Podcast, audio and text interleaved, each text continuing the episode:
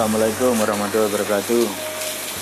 Kawan-kawan di suasana sore menjelang maghrib Suasana Jakarta gelap sekali Karena udah dua hari ini menjelang sore udah mulai hujan. Mungkin di tempat kalian sama atau masih panas saja di Jakarta udah mulai hujan walaupun intensitasnya sed, anu sedang. Tapi waktunya tidak lama paling sekitar dua jam. Ini nggak tahu ini udah mulai masuk musim hujan atau belum kita juga nggak tahu.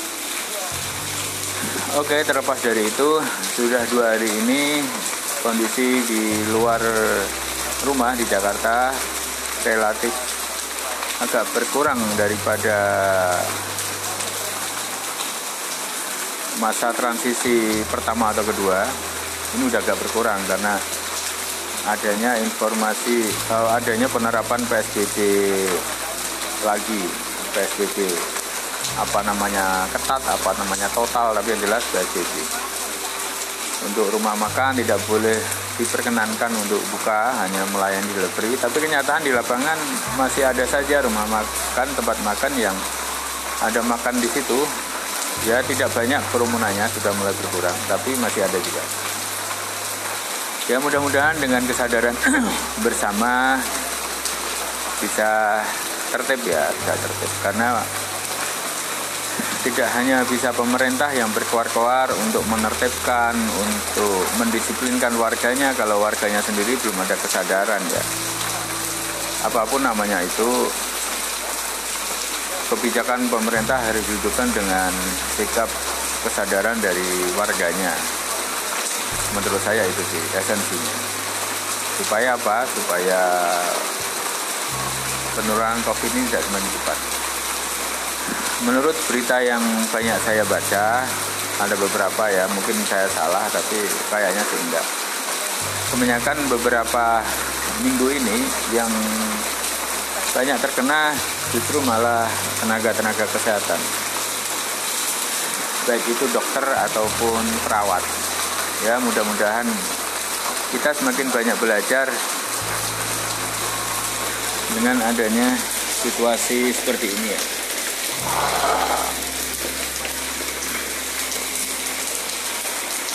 Oke. Ini baru beberapa menit hujan tapi nampaknya mendung juga merata kayaknya sih lama. Tapi yang nggak apa-apa kita nikmati aja hujan. Hujan adalah bagian dari rezeki yang Tuhan kirimkan kepada manusia. Tidak ada masalah yang masalah tentunya kalau lagi nggak bawa jas hujan lagi di luar kehujanan ya itu kadang-kadang masalah bisa-bisa sakit. Karena di situasi pandemi ini kita berusaha untuk menjaga stamina untuk tidak sakit. Karena apa? Ya karena situasi pandemi ini kita serba salah.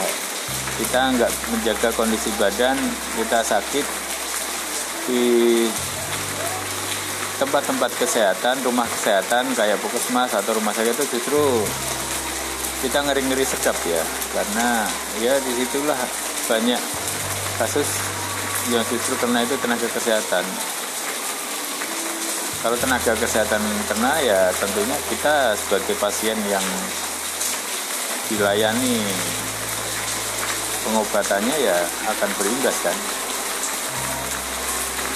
Oke kita jalani aja kita syukuri aja kita ikuti protokol kesehatan dengan berusaha untuk lebih baik ke depannya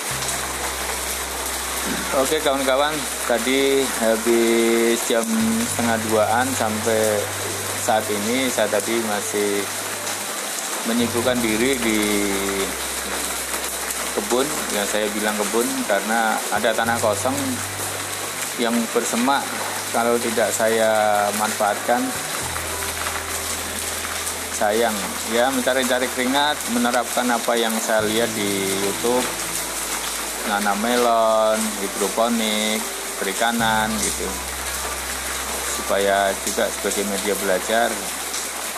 Karena kalau tidak ada halangan saya juga kayak kolam saya akan buat kolam yang uh, jumlahnya saya tambah. Jumlah tanamnya saya tambah baik di sini sendiri ataupun di anu ya di Kerawang. Saya ada sepetak tanah yang bisa saya buat kolam masih dalam proses sih. Tapi akan selalu saya pakai untuk bahan pembelajaran. Kalau saya sudah buka yang lebih besar akan lebih banyak tahu kendala-kendalanya. Demikian kawan-kawan saya tadi karena saya biasanya jam 5 lebih saya baru anu ya keluar dari kebun keluar dari sawah karena mandi sebentar sholat marib habis marib ada kesibukan baca berita nonton TV menyibukkan diri lah intinya.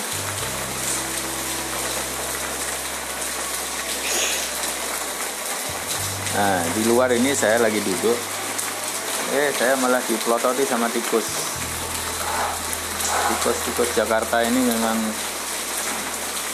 ya gede-gede gede-gede sama kita mau nggak takut kita malah ditengoknya.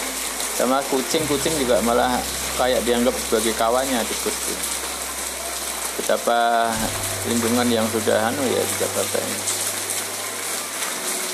lingkungan yang sudah menurut saya sudah rusak.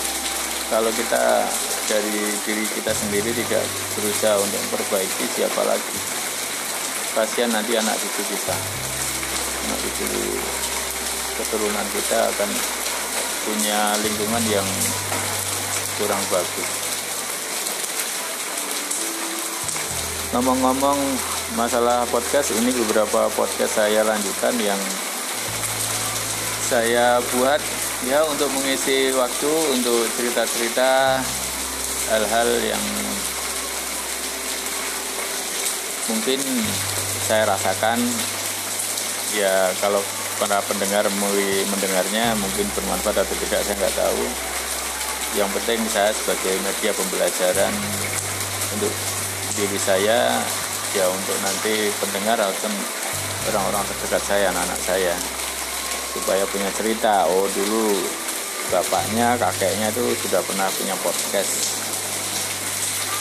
Walaupun uh, target saya buat podcast bukan untuk anu ya untuk mencari pendengar mempengaruhi orang bukan ya untuk melatih saya berani berbicara di dengarkan oleh audien yang mungkin lebih banyak.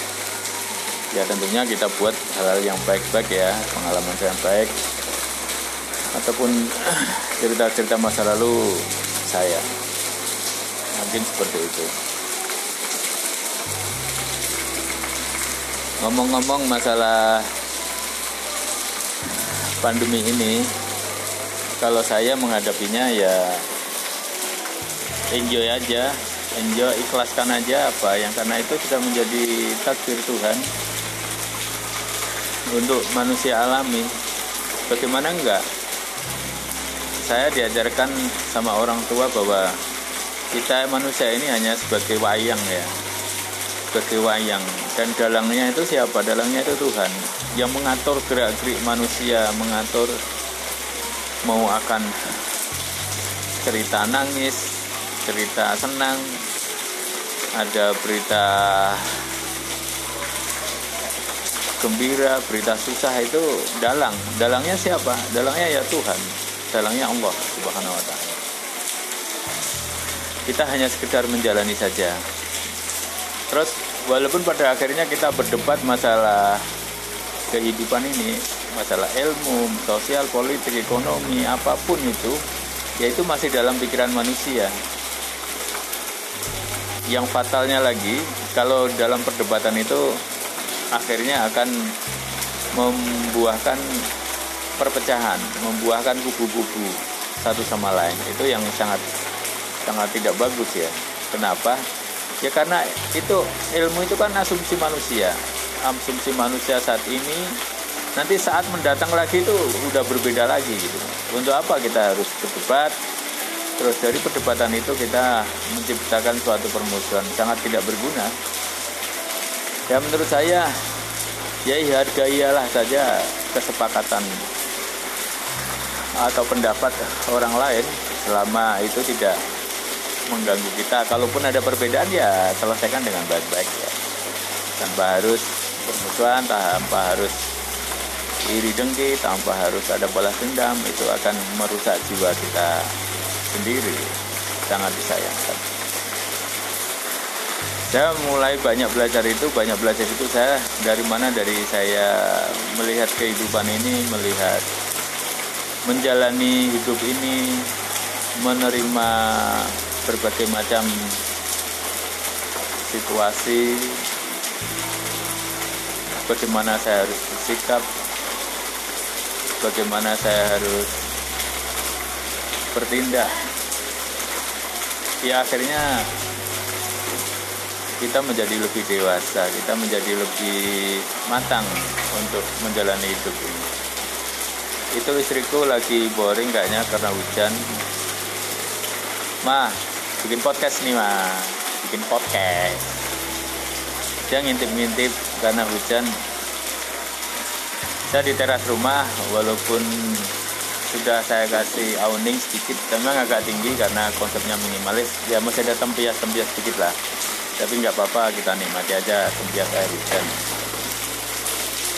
karena ya itulah kadang-kadang rumah udah bagus-bagus begitu tempias.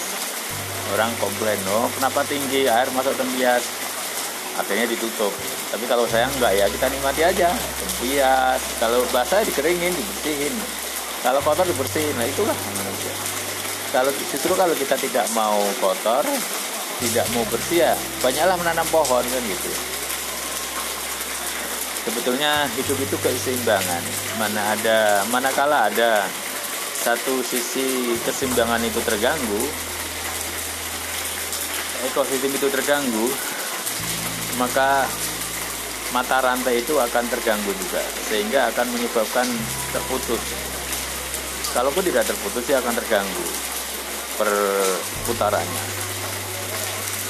Dulu waktu kita SMP ekosistem itu seperti itu. Ada ekosistem mutualisme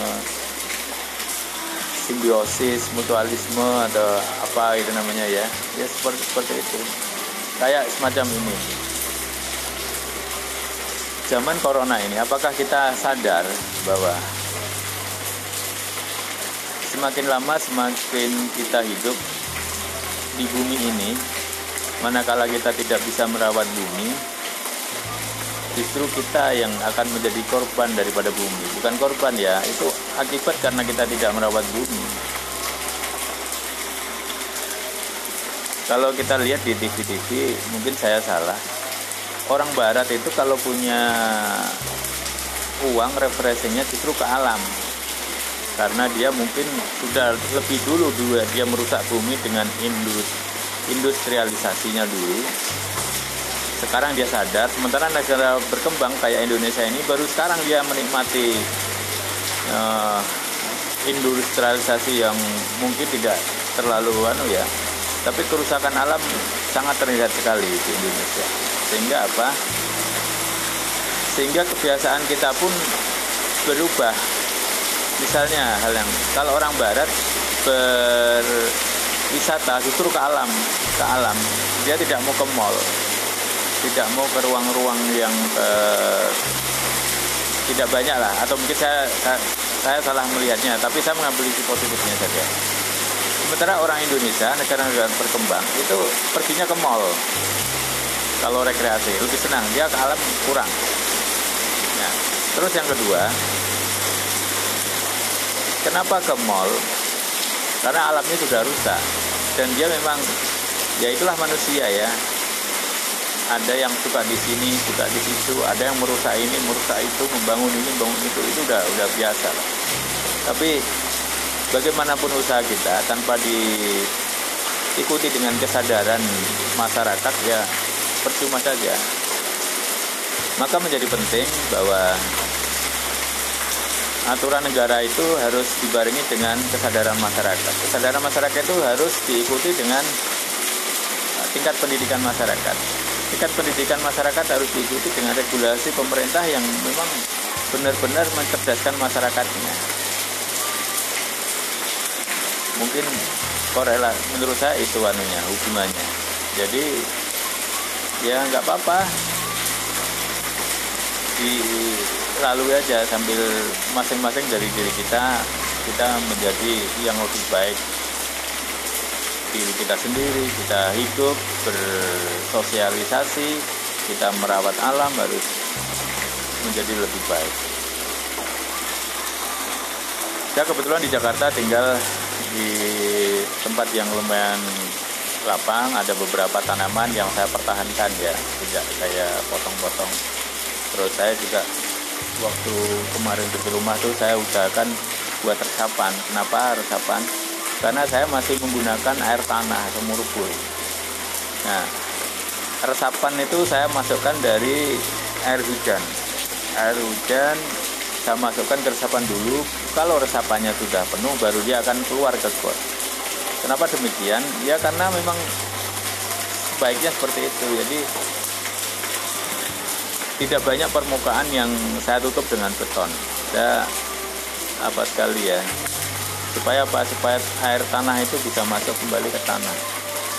Itu pun sebetulnya udah anu ya sudah banyak yang saya tutup karena bangunan bangunannya. Tapi bagaimana caranya itu yang tadi saya buat resapan air hujan masuk ke, ke resapan dulu baru kalau resapan udah pun baru keluar ke tapi rasanya resapan saya nggak pernah penuh jadi air hujan itu kalau hujan apa pun sampai lebat pun dia masuk ke resapan karena resapan tersebut lumayan besar